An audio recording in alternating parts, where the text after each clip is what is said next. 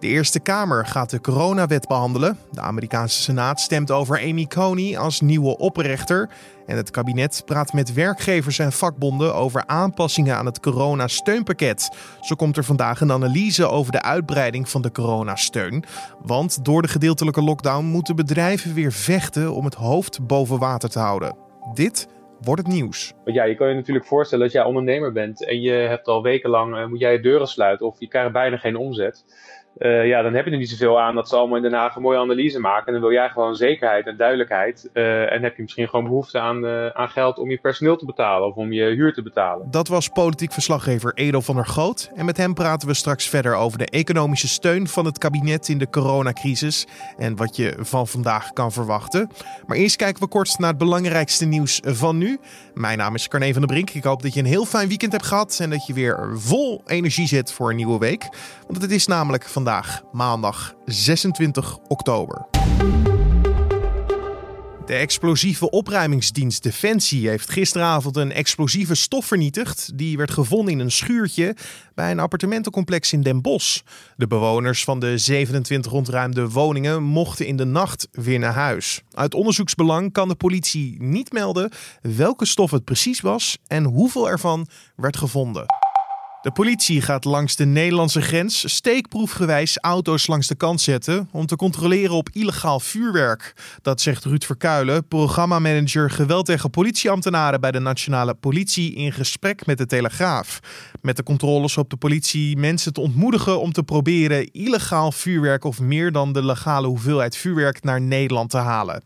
Eind januari liet het kabinet weten al vuurpijlen en knalvuurwerk te willen verbieden met ingang van de komende jaarwisseling. Enkele soorten siervuurwerk en kindervuurwerk mogen wel blijven bestaan.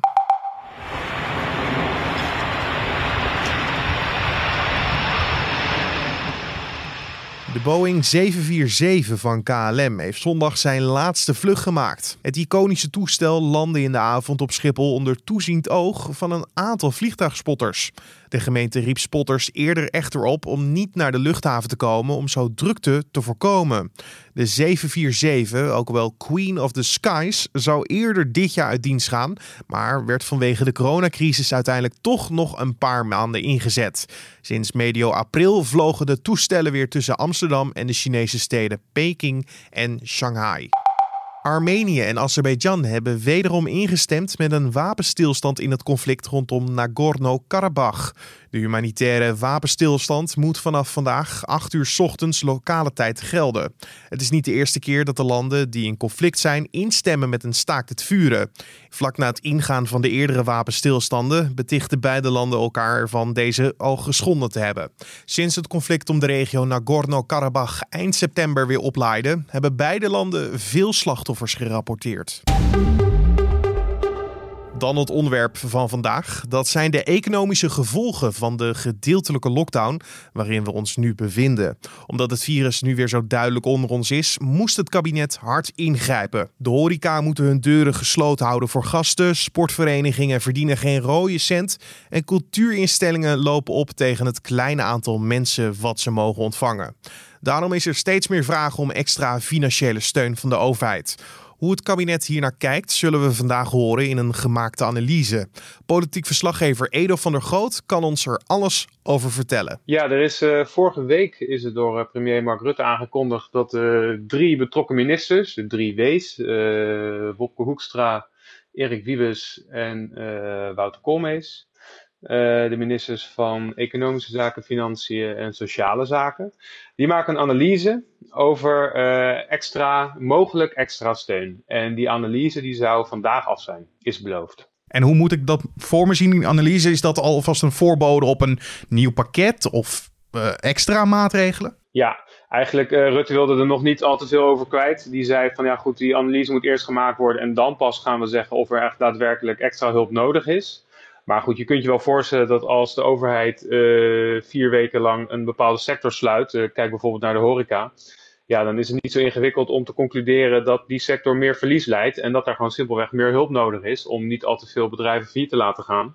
Uh, dus ja, dat er extra hulp komt, dat is wel duidelijk. Het is alleen nog even de vraag welke, in welke vorm dat is. Want op dit moment loopt er nog steeds een steunpakket en dat doet het ook nog wel tot een nou, een lange tijd. Ja, klopt. Om ja, een beetje een, grove schets te geven. Er was een eerste steunpakket voor drie maanden, maart, april en mei.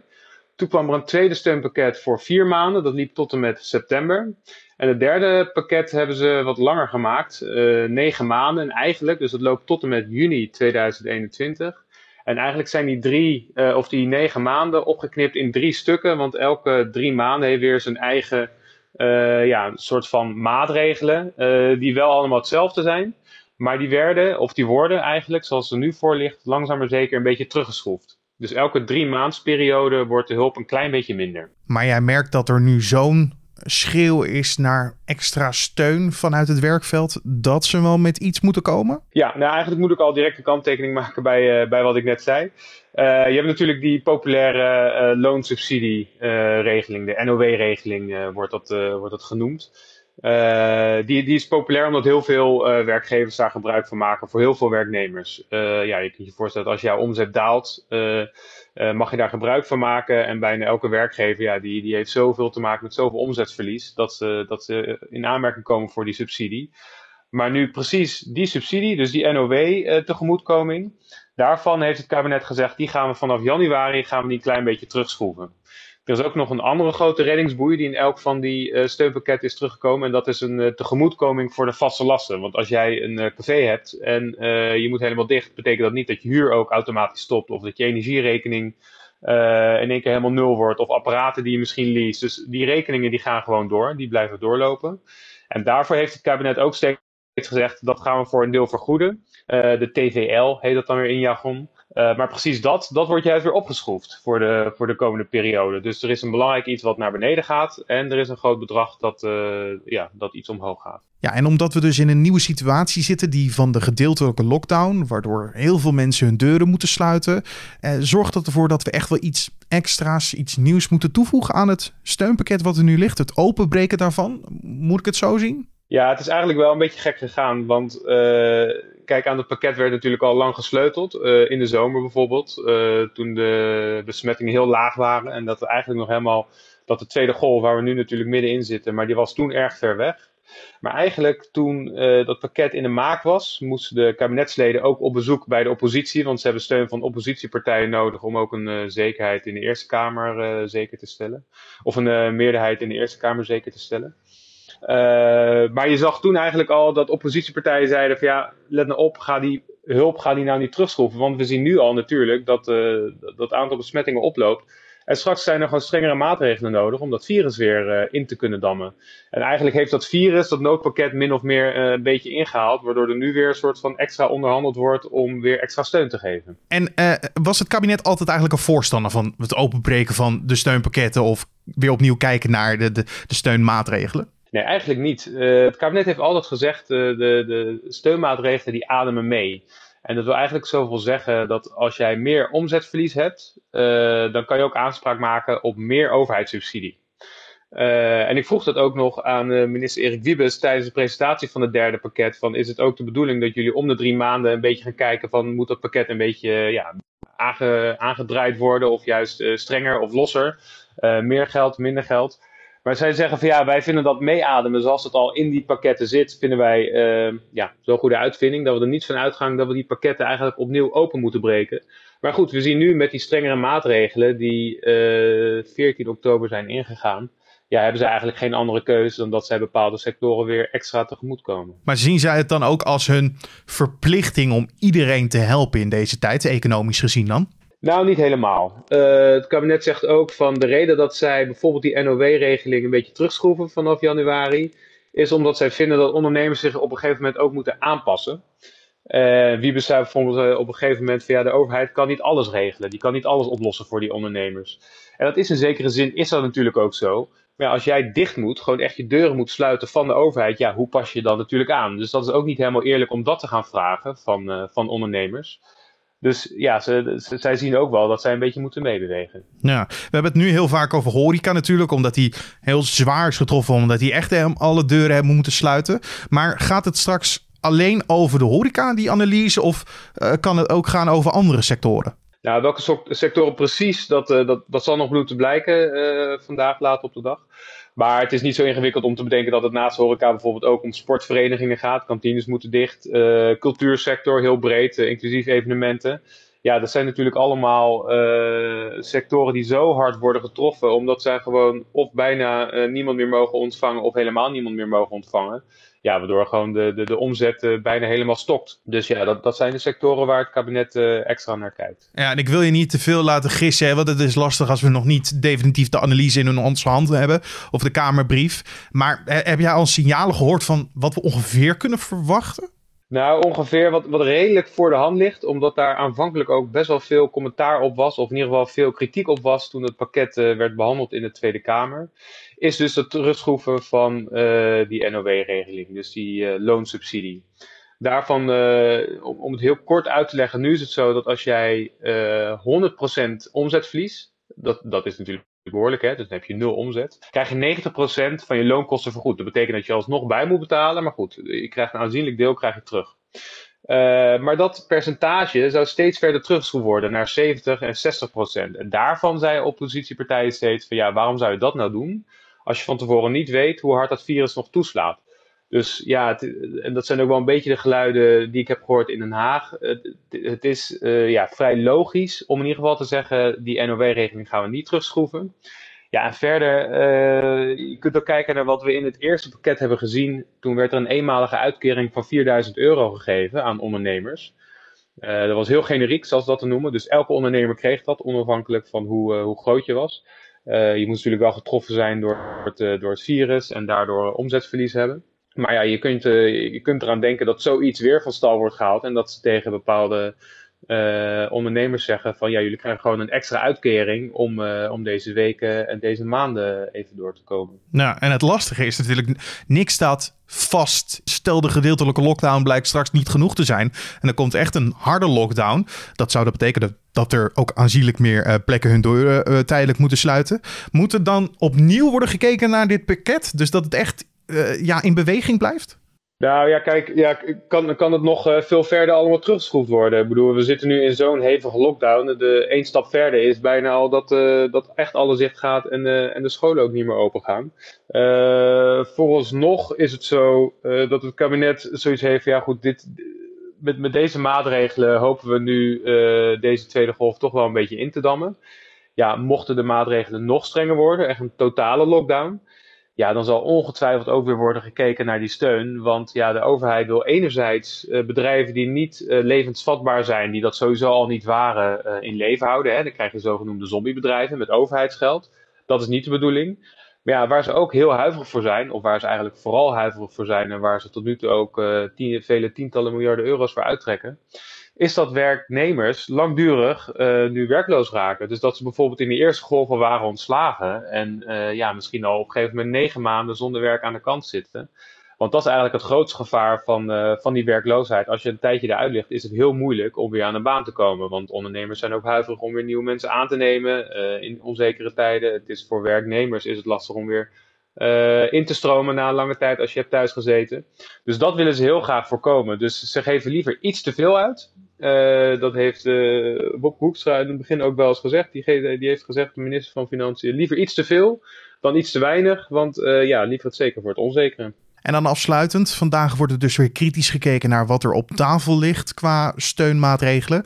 Als er aanpassingen of aanvullingen nodig zijn, moet dat eerst nog langs de, de Kamer goedgekeurd worden en verder gepolderd of kan dat direct ingevoerd worden? Ja, overal. Kijk, als er extra geld wordt uitgegeven, dan, uh, dan moet de Tweede Kamer daar natuurlijk ook naar kijken. Alleen uh, steun is vooraf natuurlijk al zeker gesteld. Dus er is afgelopen weekend is er ook gewoon onderhandeld tussen de werkgevers, werknemers, dus de vakbonden, en oppositiepartijen en coalitiepartijen om zeker te weten dat het pakket wat ze gaan presenteren, dat het voldoende steun heeft. Want ja, je kan je natuurlijk voorstellen als jij ondernemer bent en je hebt al wekenlang, moet jij je deuren sluiten of je krijgt bijna geen omzet. Uh, ja, dan heb je er niet zoveel aan dat ze allemaal in Den Haag een mooie analyse maken. En dan wil jij gewoon zekerheid en duidelijkheid. Uh, en heb je misschien gewoon behoefte aan, uh, aan geld om je personeel te betalen of om je huur te betalen. dus ja, zij, ze, er is het kabinet alles aangelegen om zo snel mogelijk de, de, het extra geld dat ze hiervoor gaan uittrekken. Ehm, om dat ook in praktijk te brengen. Dus ja, hoe, hoe, minder er over gesproken wordt vanaf nu, hoe beter. En ja, het moet gewoon zo snel mogelijk op poten staan. Dat was politiek verslaggever Edo van der Groot. En dan vertel ik je nog even wat er verder te gebeuren staat vandaag. De Eerste Kamer zal zich vandaag gaan buigen over de coronawet. De tijdelijke spoedwet is flink aangepast. Zo moet de Tweede Kamer eerst instemmen voordat een ingrijpende maatregel ingaat. Uitzonderingen gelden voor noodsituaties. De stemming zal vandaag nog niet plaatsvinden.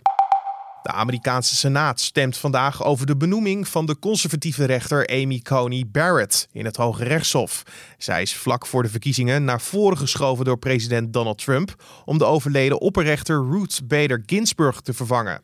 Dat ligt politiek erg gevoelig. Opperrechters worden voor het leven benoemd.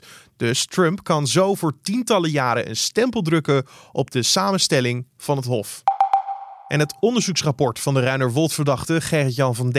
wordt vandaag door de rechtbank in de openbaarheid besproken. Vorig jaar trof de politie een vader met vijf meerderjarige kinderen aan op een boerderij in Ruinerwold. Het lijkt erop dat de kinderen jaren met elkaar en hun vader in afzondering te hebben doorgebracht. Van D. heeft vier jaar geleden een hersenbloeding gehad en is daarom tot dusver nog niet gehoord in zijn strafzaak. Door de bloeding kan de vader niet meer praten. Hij is inmiddels door deskundigen van het Pieter Baan Centrum bezocht. Uit het onderzoeksresultaat moet blijken of Van D. überhaupt als verdachte kan worden gehoord. En dan het weer van Weerplaza. En vandaag wordt je bijgepraat door Raymond Klaassen. Vandaag blijft het in een groot deel van het land droog. Er zijn wolkenvelden en zo af en toe kan ook de zon doorbreken. In de kustgebieden is er wel kans op flinke buien en daarbij is ook onweer mogelijk. In de loop van de middag kunnen de buien iets verder het land binnentrekken, maar of er overal buien gaan vallen, dat is nog maar de vraag. De temperatuur ligt rond de 13 graden en er waait een matige wind uit het zuidwesten. Aan zee is de wind af en toe krachtig en dat is een windkracht 6. Dankjewel Raymond Klaassen van Weerplaza. En om af te sluiten nog even dit. Eindelijk is het dan zover. Vanaf vandaag is er een directe treinverbinding tussen Amsterdam en Londen. Reizigers moesten voorheen voor een paspoortcontrole altijd uitstappen in Brussel. Dat hoeft nu niet meer. De treinstellen zullen wel leeg zijn, aangezien aan beide kanten van het kanaal een negatief reisadvies geldt voor de overkant. Dat betekent dat alleen noodzakelijke reizen zijn toegestaan. Ook zullen er geen feestelijkheden zijn rondom het eerste vertrek. De treinreis van Amsterdam naar Londen gaat in het nieuwe jasje een uur korter duren. Van onze hoofdstad naar die van het Verenigd Koninkrijk zal de reis ongeveer 4 uur duren. Reizigers die in Rotterdam instappen doen 3,5 uur over een ritje naar Hartje Londen. Maar voordat de stedentrips gepland kunnen worden, moet je dus nog wel even wachten tot er een beter reisadvies is. En tot zover de Dit Wordt Het Nieuws podcast voor deze maandag 26 oktober. Je kan ons heel erg helpen met feedback te sturen naar podcast.nu.nl. Dat is ons mailadres. En zet in een mailtje bijvoorbeeld wat jij anders zou doen of wat je anders zou willen horen of uh, misschien vind je juist wel iets goeds en wil je dat benadrukken? Laat het ons weten via de mail podcast.nu.nl. Je kan je ook gratis abonneren op deze podcast. Zo staat die elke ochtend en middag voor je klaar in je favoriete podcast-app, zoals een Spotify of Apple Podcast. Mijn naam is Carne van der Brink. Voor nu wens ik je een hele mooie dag en ik hoop dat je de volgende keer ook weer luistert. Tot dan.